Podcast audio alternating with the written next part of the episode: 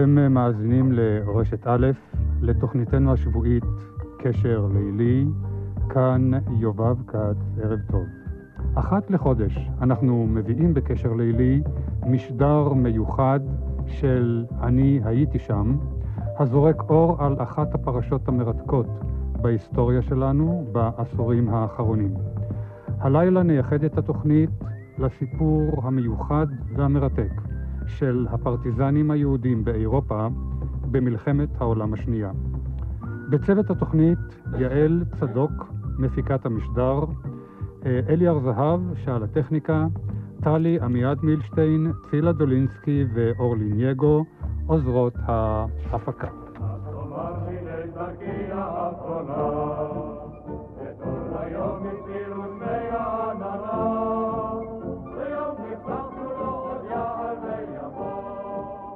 הפרטיזנים היהודים הם אלה שהצליחו להימלט מן הגטאות וממחנות הריכוז ליערות ולהרים, וניהלו משם את המלחמה בגרמנים ואת המלחמה על חייהם. התנועה הפרטיזנית החלה כשהצבא האדום נסוג מפני צבא גרמניה. אז ברחו ליערות חיילים ושבויים סובייטים שפתחו במלחמה פרטיזנית נגד האויב. התנועה הפרטיזנית הלכה וגדלה והקיפה את מזרח אירופה ודרומה. מטבע הדברים נתרכז בצד היהודי של התנועה הפרטיזנית. קשה לדעת כמה יהודים הצטרפו לפרטיזנים. דוקטור שלום חולבסקי מעריך את מספרם בלמעלה מ-40 אלף. ברור על כל פנים ששיעור היהודים בפרטיזנים היה גבוה משיעורם באוכלוסייה. ועוד הערה, לא כל הגילויים של לחימה יהודית פרטיזנית יוכלו למצוא ביטוי בתוכניתנו הערב. יש בוודאי אזורים שיצאו מקופחים, אבל אנחנו מקווים שנצליח לשתף אתכם, ולו במעט, בחוויה של הפרטיזן היהודי במלחמת העולם השנייה. נמצאים איתנו באולפן רושקה קורצ'ק מרלה, משה קלחיים, פאני לוץ וגבי אורן. נספר על חיי הפרטיזנים ביערות ובהרים, על מצבם המיוחד של הפרטיזנים היהודים ועל מבצעיהם הצבאיים במלחמתם נגד הנאצים.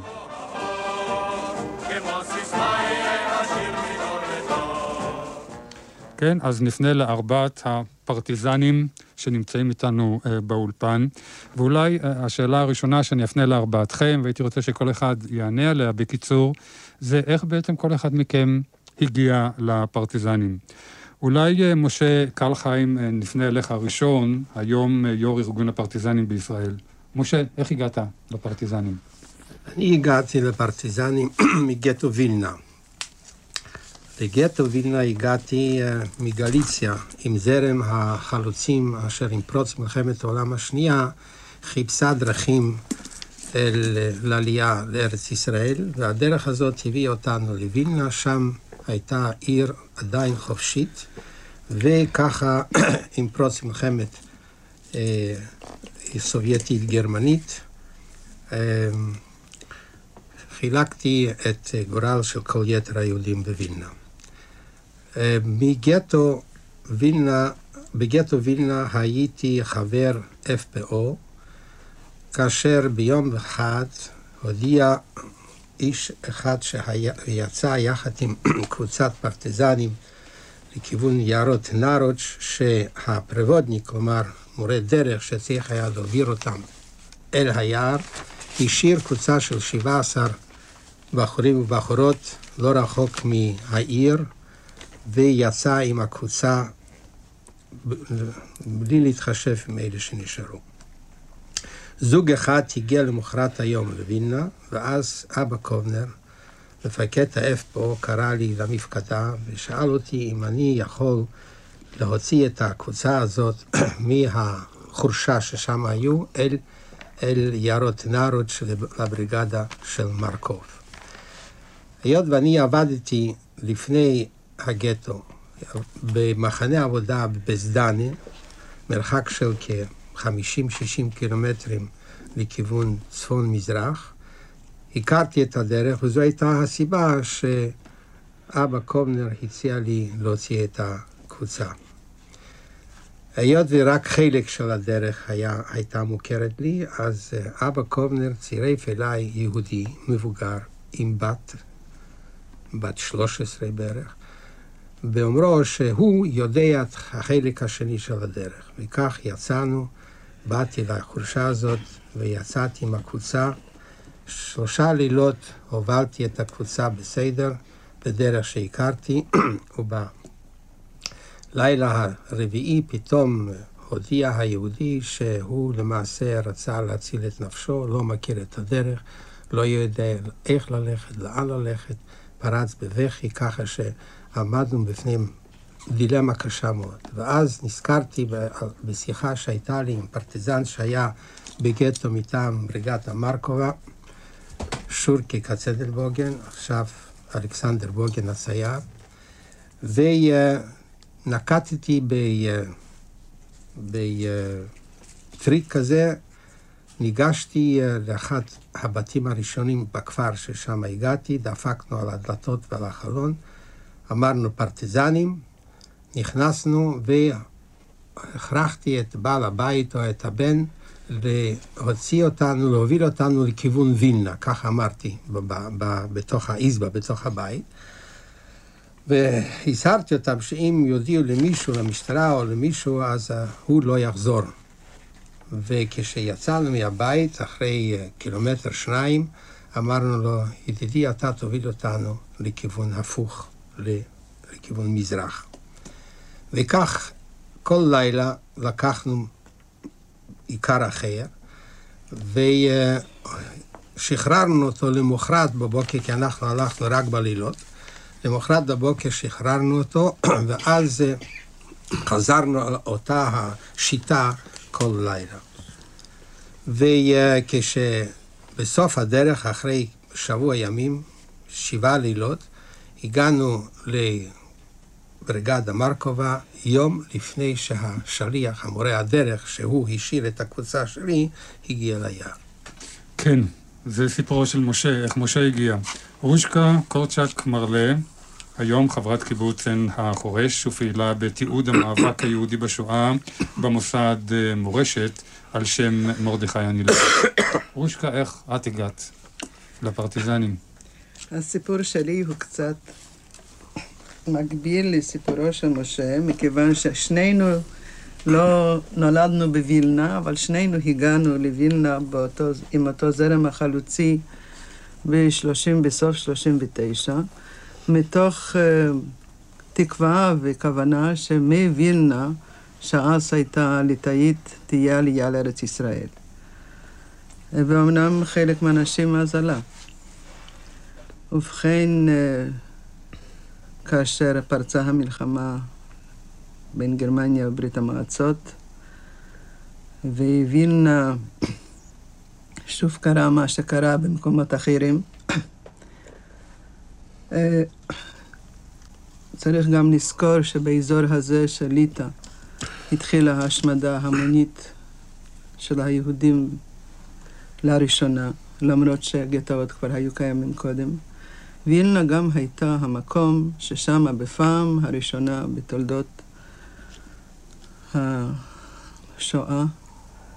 קם הארגון היהודי שקרא למרד, אותו ה-FPO, ראשי תיבות של פרניקטה פרטיזנר אורגניזציה, שהוא כלל את כל התנועות והמפלגות שהיו אז בגטו וילנה, ושמטרתו של אותו הארגון לפי הקרוס, היה לארגן את הנוער היהודי, את האנשים, למרד בגרמנים, לפעולות חבלה, ולהעביר את הידיעה על מה שמתרחש, על הרצח ההמוני של יהודי וילנה, גם למקומות אחרים, כמו ורשה, ביאליסטוק ועוד.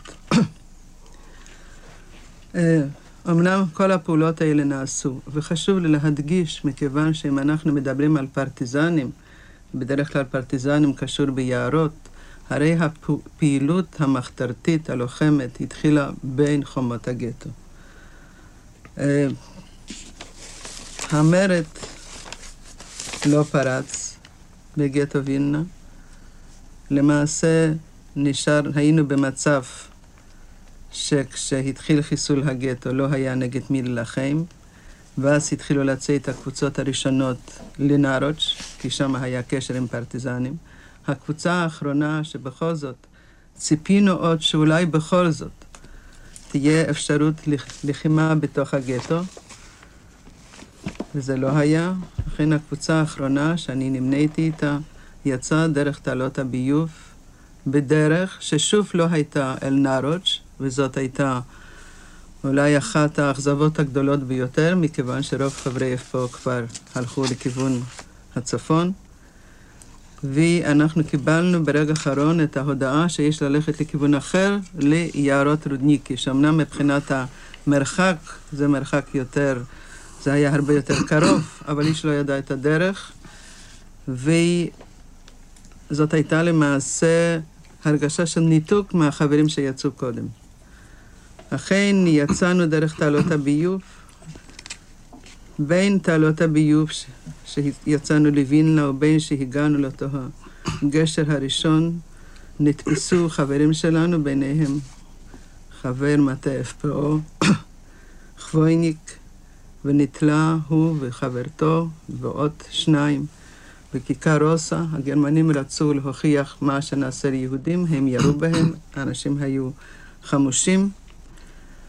ואנחנו הלכנו בלי לדעת למעשה מהי הדרך, והבעיה הראשונה הייתה לעבור את הגשר, ששם עבדו, עמדו גרמנים חמושים. איש לא ידע למעשה איך נגיע, מה נגיע, אבל הגענו אל סף היער, ואחר כך מתחיל הסיפור הפרטיזני. כן, שאליו נגיע, שאליו נגיע כמובן אה, בהמשך. גבי אורן, אה, היום קבלן להנחת קווי מים בנהריה, אז פרטיזן. גבי, איך אתה הגעת לפרטיזנים? אני מבקש ככה לקצר את הדברים, כי יש לנו המון אה, אה, דברים שאנחנו רוצים לשמוע ואנחנו חייבים להצטמצם. אז דרכי הייתה שונה ממה שנשמע מחבריי. אני בשנת 42 נלקחתי למחנה ריכוז אה, בסרט. גם הוריי נלקחו, אבל הם המשיכו את דרכם ל... אין יודע לאושוויץ.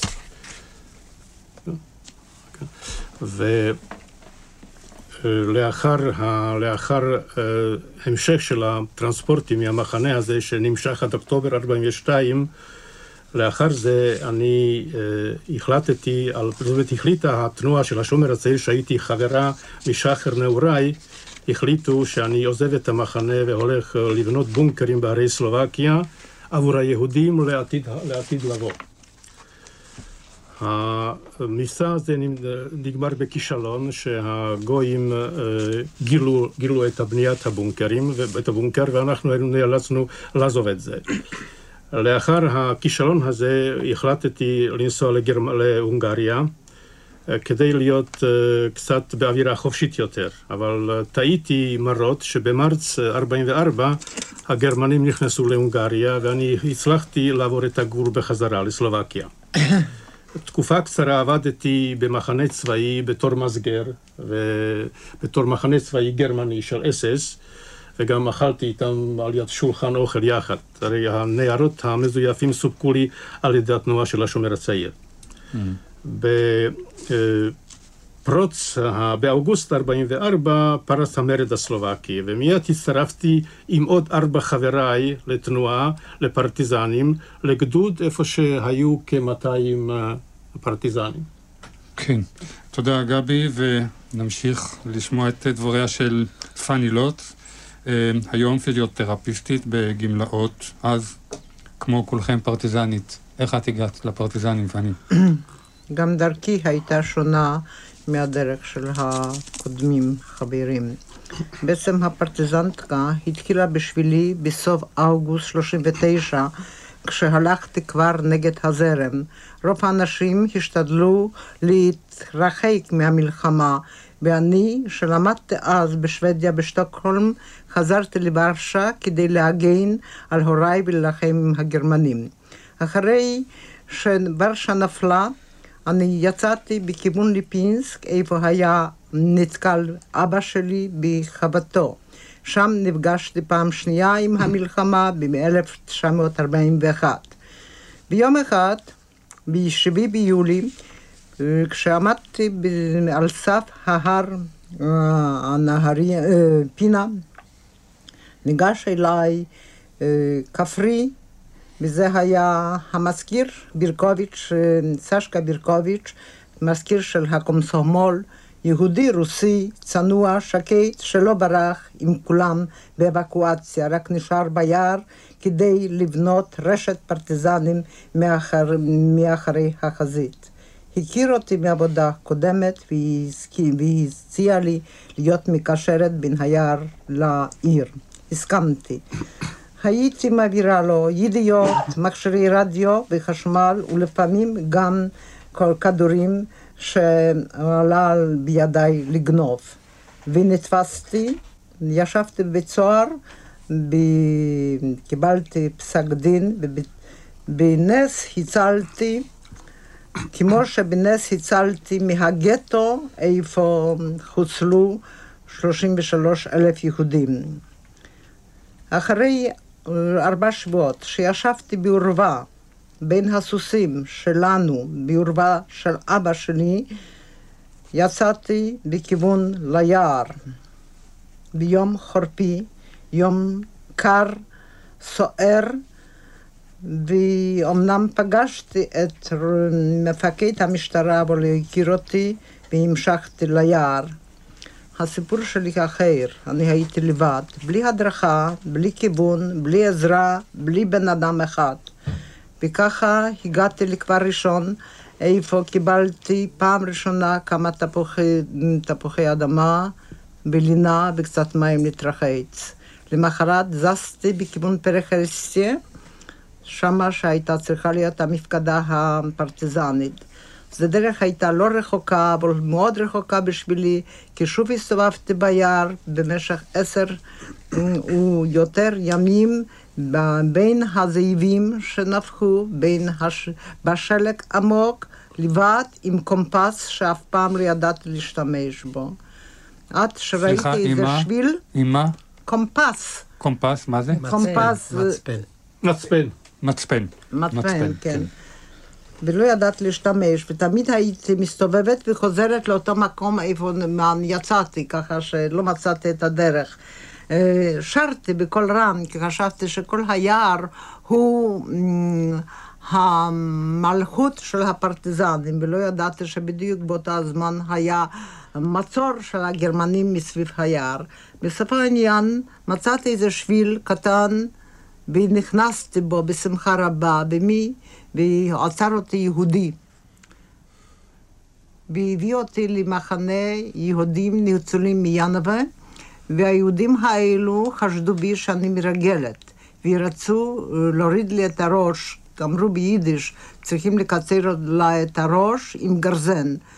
אה, הציל אותי אה, בן דוד שלי, איציק גרבר, ואחיו, שהכירו בי שאני לא מרגלת רק יהודייה. נשארתי עם היהודים ושאלתי אותם איפה נמצא אה, הקבוצה של סשקה בירקוביץ', ואולי הם מכירים אותו. בלי, בלי מילה הם הביאו אותי לעגלה, הרימו את המכסה, וזה היה גופו של מפקד שלי שעבדתי איתו מ-41, ובזמן שהגעתי לפרטיזנים זה היה דצמבר 42, וככה נשארתי המומה. בערב באו פרטיזנים לקחת את גופו, וביקשו אותי להצטרף איתה להם. צירפתי כי הייתי כל כך גלמודה שחשבתי שבין היהודים אני נרגיש יותר טוב.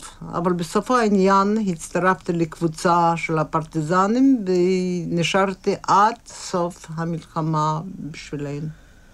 כן, אני, כשאני שומע את הדברים, אני ממש מצטער שאנחנו צריכים לעבור כל כך מהר, כי אה, על הדברים הללו אפשר... הכל הרי- הזה כתוב בספר נערה מול גרדום, ככה שמי מעוניין יכול לקרוא את זה. כן. טוב, אה, משה, אולי אני אפנה אליך עכשיו.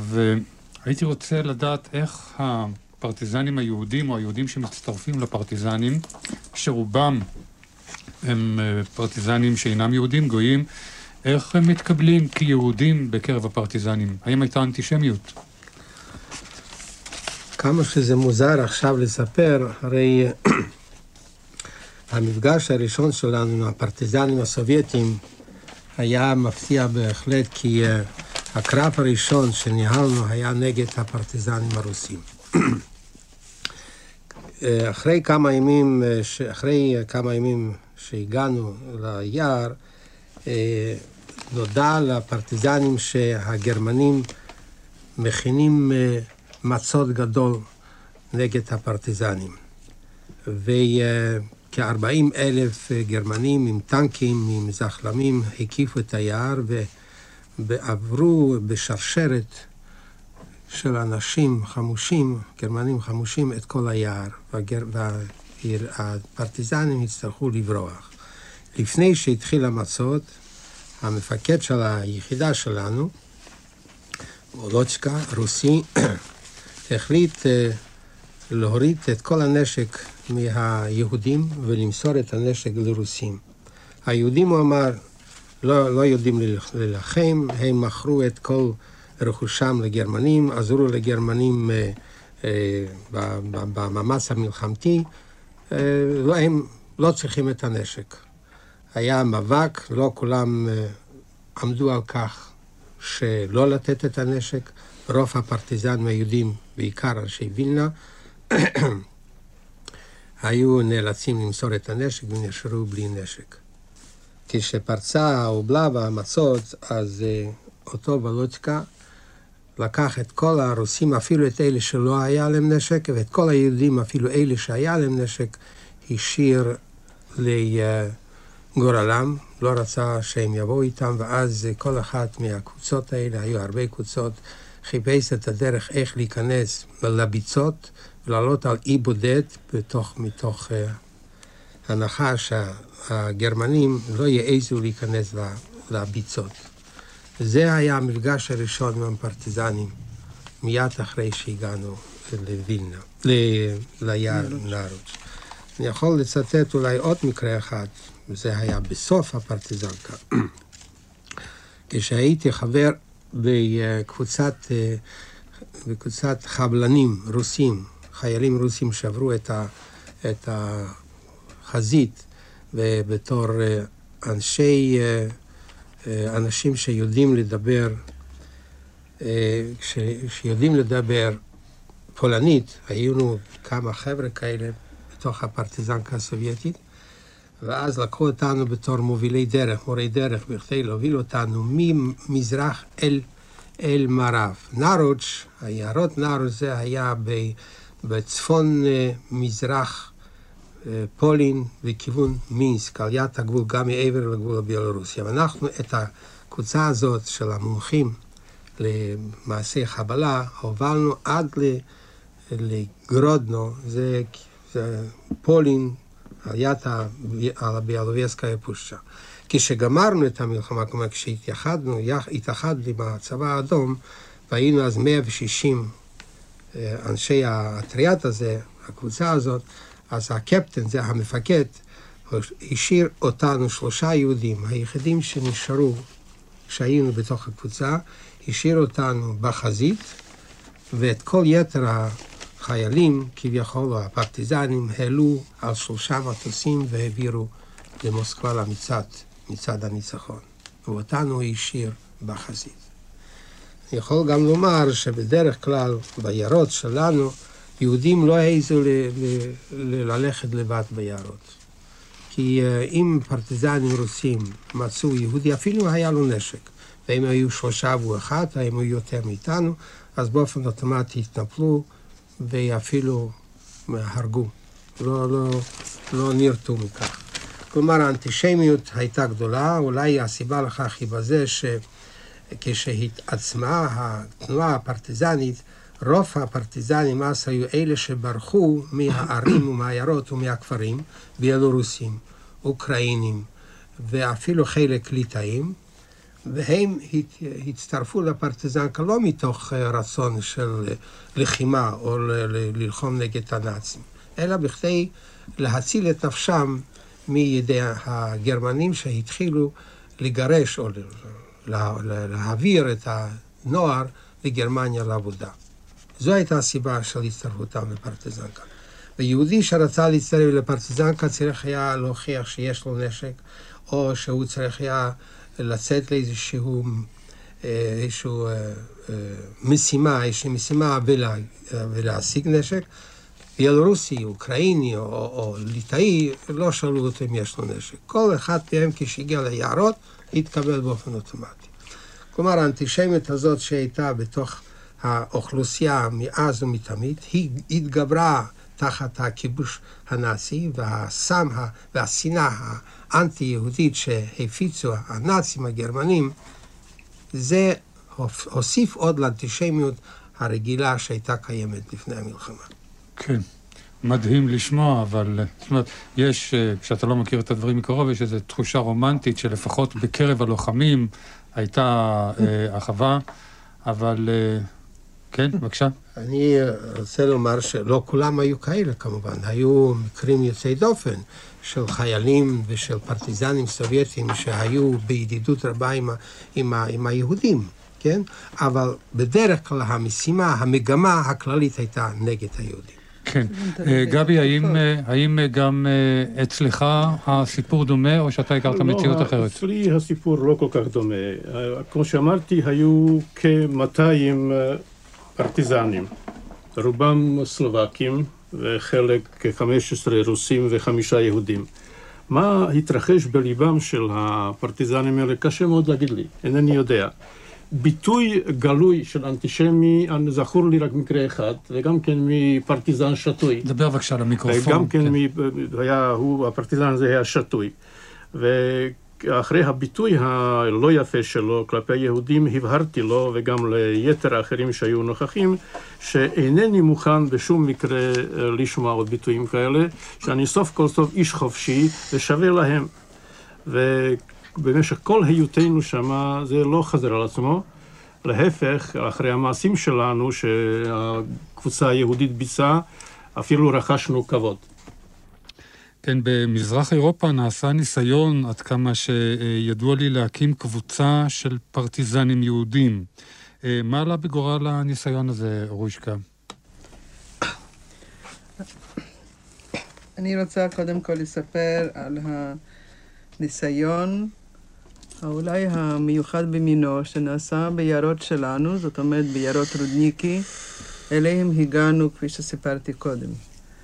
אה, מכיוון שה-FPO בווילנה היה מוכר על ידי התנועה הפרטיזנית הכללית, הרי המפקדים שהגיעו ליער, זאת אומרת אבא קובנר, חיינה בורובסקה, אה, הם אה, ביקשו שגם ביער תימשך ההכרה הזאת ב-FPO כארגון לוחם יהודי, ושתקום יחידה פרטיזנית יהודית. מה זה? זאת אומרת שלא נצטרף לפרטיזנים אחרים, כפי שהייתה אה, פנייה, או למעשה לכולם היה ברור שלפי הנוהג המקובל בברית המועצות, כל החלוקה היא טריטוריאלית ולא לאומית, ומכיוון שאנחנו שייכים לאזור ליטא, הרי ברור שאנחנו צריכים להצטרף לפרטיזנים ליטאים, לא חשוב שגם הבריגדה הליטאית הייתה ב-80 אחוזים מורכבת מיהודים, או 85 אולי. אבל מה שהיה חשוב הייתה התביעה שאנחנו רוצים וטובים לקיים יחידה יהודית אוטונומית עצמאית. מה זאת אומרת יחידה יהודית אוטונומית עצמאית? כמובן שהיינו שייכים לבריגדה או ל... קראנו לזה בריגדה של הפרטיזנים הכלליים בליטא, הליטאית, אבל במסגרת הבריגדה הזאת אנחנו נהיה גדודים יהודיים נפרדים, עם פיקוד יהודי, עם שפת דיבור ושפת פיקוד וקבלת הפקודות בלשון יידיש, ועם המטרות המיוחדות שאנחנו ראינו אותן, שהם שייכים לפרטיזן יהודי. והדבר הראשון שראינו בו את הדבר הדחוף ביותר וההכרחי ביותר היה להביא, להציל את שארית יהודי וילנה שעדיין נשארו בשני המחנות בתוך העיר. והיה לנו ברור, ואחר כך נוכחנו לדעת, שהמטה של הבריגדה לא היה כל כך מעוניין להרחיב את שורות הפרטיזנים היהודים. ולא רק זאת, אלא הבנות שלנו, הבחורות שיצאו מהיער לפי ההוראה של המפקדים שלנו, זאת אומרת של קובנה ברוס כבוד, להביא את היהודים שנשארו, ביניהם גם חברי FPO שלא כולם הספיקו להגיע. אה, היה מקרה שהייתה פקודה ובאו להודיע להם בתוך הדרך שאסור להביא יותר יהודים ליער, מתוך כך שהאנשי הסביבה, האיכרים, הליטאים, הפולנים, עלולים להתחיל לזהות את התנועה הפרטיזנית עם היהודים, והרי אז זה לא טוב. כמובן שהפקודה הזאת לא בוצעה, ויהודים מה שרק יכולנו, מי שרק אפשר היה להביא, לגייס, הגיעו ליער, וכך קרה שבמשך זמן קצר מאוד, בגדודים שלנו כבר היו ארבעה גדודים, היו קרוב לארבעה מאות יהודים. אבל מה שפה חשוב להדגיש, המאבק הזה על קיום יחידה יהודית, הוא היה מאבק שהתחיל מהיום הראשון שהגענו ליער, ולמעשה נסתיים, ונסתיים בכך שהחליף את הפיקוד ונקראנו יחידות לא יהודיות, אם כי מבחינת ההרכב נשארנו אותו מספר היהודים. למעשה זה הוכרע כמה זמן קצר מאוד לפני כיבוש וין, לפני שחרור וין על ידי הצבא הסובייטי, והסיבות היו לא רק אנטישמיות, אבל גם סיבות פוליטיות, מכיוון הרי אחד הדברים המגוחכים הוא שמי שנתן את הפקודות שלא צריכים לקיים יחידות יהודיות נפרדות, שלא צריכים להיות uh, נשים ואלמנטים בלתי לוחמים בגדוד וצריכים להקים גם מחנה uh, משפחתי נפרד, היה דווקא יהודי שהוא היה המפקד שעמד בראש הבריגדה, הוא היה יהודי ליטאי. שבהתחלה לא ידענו שהוא ליטאי, אחר כך התברר לנו שהוא יהודי אה, מקובנה, שהוא אמנם רצה לעשות רושם שהוא מ... בהתחלה, שהוא לא מבין יידיש ולא יודע, אחר כך זה התברר אה, שהוא היה, היה מורה בבית ספר בכלל יהודי בליטא עוד לפני, ה... לפני המלחמה. אכן, מה שאנחנו הצלחנו, למרות שבסופו של דבר ב... וזה סיפור כיצד אה, קיפחו אותנו בנשק וכיצד אחר כך הורידו את הפיקוד היהודי מתוך האשמה שאנחנו כביכול גנבנו נשק מה, אה, מהמצנחים הסובייטיים למרות שאף פעם לא קיבלנו מה שהגיע לנו למעשה לפי החלוקה. הרי מה שיש לומר, שאנחנו הודות לכך שעמדנו על התביעה שתתקיימנה היחידה היהודית הנפרדת. אנחנו הצלחנו לקלוט יהודים מיערות, אנחנו הצלחנו לשלוח אנשים שיביאו יהודים מה שעוד נשארו, אנחנו הצלחנו לא להפריד בין אלמנטים, בין גברים לוחמים ובין גברים בלתי לוחמים, בין נשים ובין ילדים וכל ה... זה היה מחנה אחד עם משמעת צבאית כאשר למעשה האחריות הייתה משותפת. ועם רוח אה, שהלוואי שאפשר היה, אני חושבת, שיכלה להיות גם במקומות אחרים, שאובייקטיבית לא יכלה להיות, לאחר ששמענו את הסיפורים הקודמים.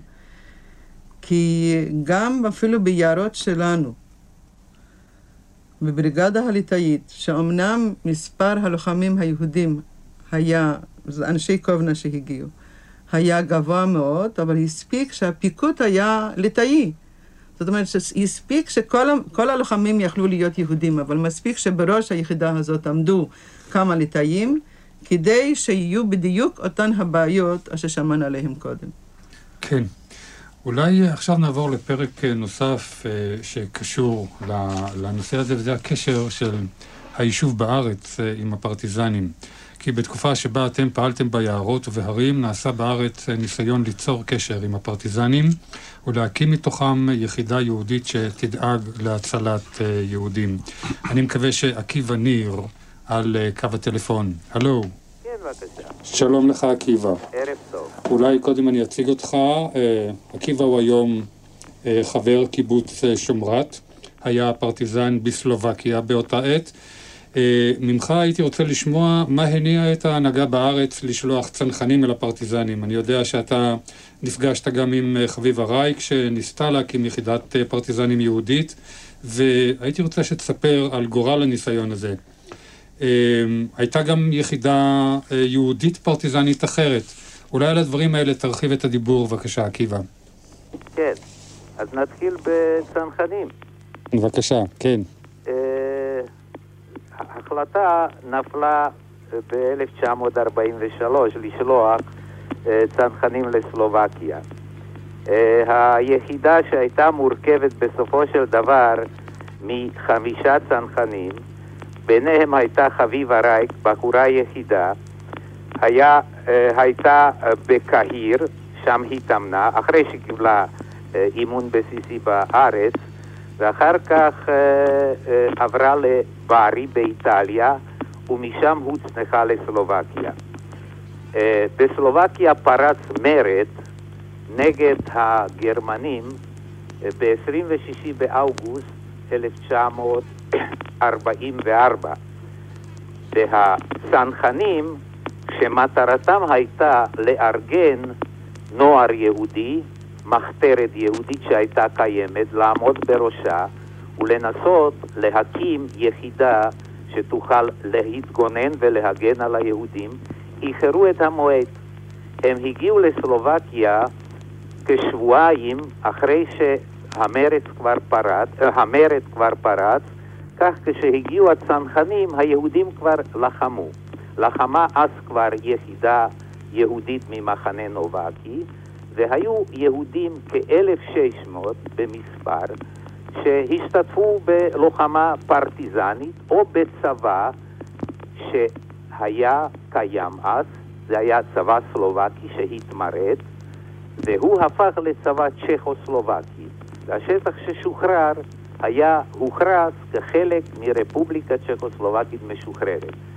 חביבה רייק לא יכלה לצנוח, מפני שהתקנות של הבריטים אסרו על הנשים לצנוח מאחורי קווי האויב, והיא הגיעה לסלובקיה במטוס אמריקאי שהביא משלחת אמריקאית שמתפקידה היה אה, אה, לאסוף שבויים ולשלוח אותם חזרה למולדת.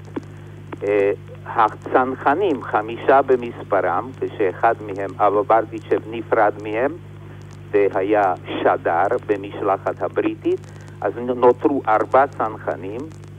אה, הם ניסו אה, כמיטב יכולתם אה, לארגן נוער יהודי שנותר עוד בעיר הבירה של המרד, בבנסקה ביסטריצה.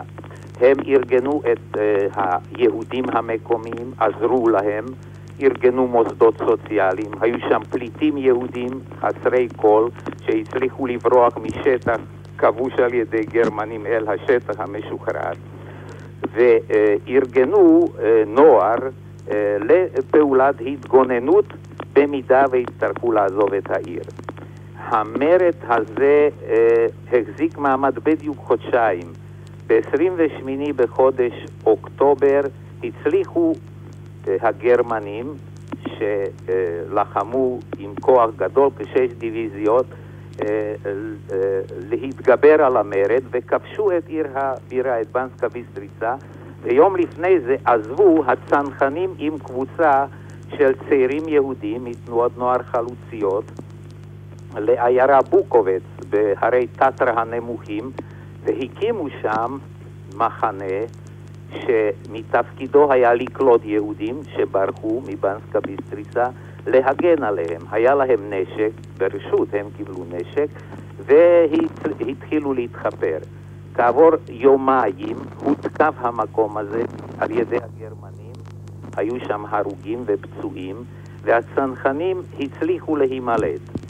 אבל כעבור יום אה, שמעו בהרים דיבור רוסי וחשבו בטעות שמדובר על פרטיזנים רוסים וכשנוכחו לדעת שטעו וראו אנשים במדים גרמניים שהם היו מיחידות הגנרל ולסוב הבוגד הרוסי שלחם לצד הגרמנים, היה מאוחר.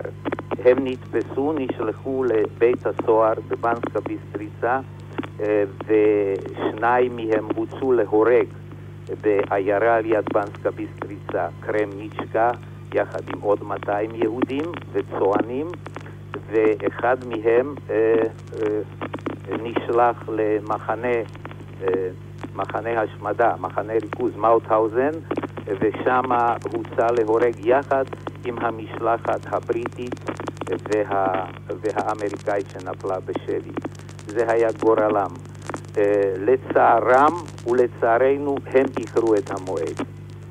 אה, מה שאני יכול לומר שבואם הייתה ראשית כל בשבילנו שהיינו שם, היינו ביחידות הפרטיזניות, אה, הייתה הפתעה כאילו שבא מישהו ממאדים. דבר לא יאומן, הגיעו אנשים מארץ ישראל ויכולים לשמוע משהו, מה, מה מתרחש מעבר לקווי האויב. והפגישה עם חביבה הייתה לאחת החוויות הגדולות, אותה אני זוכר, אה, כי אני נשלחתי מהיחידה, מעיירת בוקובץ, להיפגש איתה אה, בבנסקה ביסטריצה, ואז פעם הראשונה, אחרי כל כך הרבה שנים, מ-39, שהייתה לי אפשרות ראשית לפגוש אותה, הכרתי אותה גם לפני זה, ושנית לשמוע על החברים שלי, על ארץ ישראל, על הקיבוצים, בהם היו לי חברים, ועל uh, היישוב ועל מה שמתרחש פה. כן. זהו סיפורם של הצנחנים. אולי אתה מוכן... לצערי הגדול uh, לא, לא יכלו לבצע את משימתם. כן, עקיבא. אני רוצה רק להדגיש דבר כן. אחד. Mm-hmm. בעת uh, שהיה ברור כבר שהמרד עומד uh, לפני התמוטטות. Uh, חברי התנועות החלוציות פנו אל הצנחנים וביקשו אותם שיחזרו ארצה. היה בשטח המשוחרר, uh, היה שדה תעופה ליד עיירה טרי דובי, והשדה תעופה זה היה עוד פעיל, ואפשר עוד היה לחזור. והחברים המקומיים ניסו להסביר להם שהאפשרות שלהם להועיל במצב שהשטח ייפול לידי הגרמנים היא קטנה מאוד, ולהפך, הם מסכנים את חייהם ולא יכולים לעזור הרבה. אך הצנחנים סירבו והם נשארו על משמרתם עד סופה. אתה מוכן רק אה, לומר את שמותיהם של החמישה? השמות? כן. זה היה רפי רייס, צבי בן יעקב, אבא ברטיצ'ב, חביבה רייק וחיים חרמש. עקיבא, אני מודה לך מאוד. על לא דבר. לילה טוב. אה, פאני, אולי אה, עכשיו נעבור לזווית אחרת של הסתכלות על העניין. את אה, בדברייך הקודמים סיפרת לנו על נערה יהודייה לבד ביער, מצטרפת לקבוצות אלה ואחרות. איך מסתדרת נערה בכלל בתוך ההוואי המיוחד הזה של פרטיזנים? זה באמת פרק מאוד עצוב לכל התמונה של הפרטיזנים, של הלחימה. קודם כל, הפרטיזנים לא היו מקבלים את כל אחד או את כל אחת. הגברים היו צריכים להביא רובה, נשק, והאישה הייתה צריכה לשמע, לשלם באפשרות שלה. היו מקבלים לפרטיזנים הסובייטים והפולנים נשים שהיו להם מקצוע, במיוחד מקצוע רפואי. אף פעם לא למדתי להיות אחות, אבל בזמן שהייתי בפינסק, ניהלתי בית חולים קטן, ואז רכשתי ניסיון, והניסיון הזה עזר לי מאוד בזמן הפרטיזנים. ובתור אחות התקבלתי וגם הגעתי למצב שנעשיתי בסוף השירות בפרטיזנים מנהלת של שירות רפואי. בתור אישה לא הרגשתי טוב, כי הייתי לבד. ואף פעם לא חשבתי שאישה לבד לא יכולה להסתדר. ואישה לבד בפרטיזנים מעורבים, זאת אומרת, לא יהודים, בלי בעל, בלי מעגן, לא יכלה להסתדר, וככה כל הנשים היהודיות חיפשו איזה גבר, לא חשוב איזה, אבל שיגן עליהם, ואז היה להם שקט. כי אה, היה אמרה בפרטיזנים מאוד לא נעימה, שאישה זה כלי מיטה. ולעיתים קרובות זה היה אמת, כי בתור כינוי רופאה שאני השתמשתי בפרטיזנים, היה לי ביש מזל אה, לחסל את תוצאות של האהבות האלו בין הפרטיזנים ונשים הפתאומיות. בתור יהודייה, אף על פי שהייתי בעמדה די גבוהה, כי בכל אופן הייתי הדוקטורית, לעיתים קרובות הרגשתי גישה אנטישמית. מצד אחד הם היו צריכים אותי, כי אני עזרתי לחולים, לפצועים, לימדתי אותם היגיינה, לימדתי אותם איך להתנהג כדי לא לתפוס את המחלות. היה לי מעל אלף חולים בטיפוס ובין אחרים אף אחד לא מת. אבל מצד השני, איפה יכלו, נתנו לי איזה אה, דקירות. שהייתי צעירה וזה מאוד כאב, והקינה של נשים שעבדו אז במשק, רובם בכביסה, אה, במטבח, גם כן לא עזרה לי, גם כן היו לי תקריות עם נשים אוקראיניות שהגיעו ונתקבלו לפרטיזנים, עם נשים רוסיות, קומסומוליות משעבר, ככה שהחיים לגמרי של אישה לבד, אה, גם עם מקצוע, לא היה מתוק בפרטיזנים. כן, תודה לך, פאני. גם יהודייה וגם אישה, זה מסתבר היה קשה מאוד במציאות הזאת.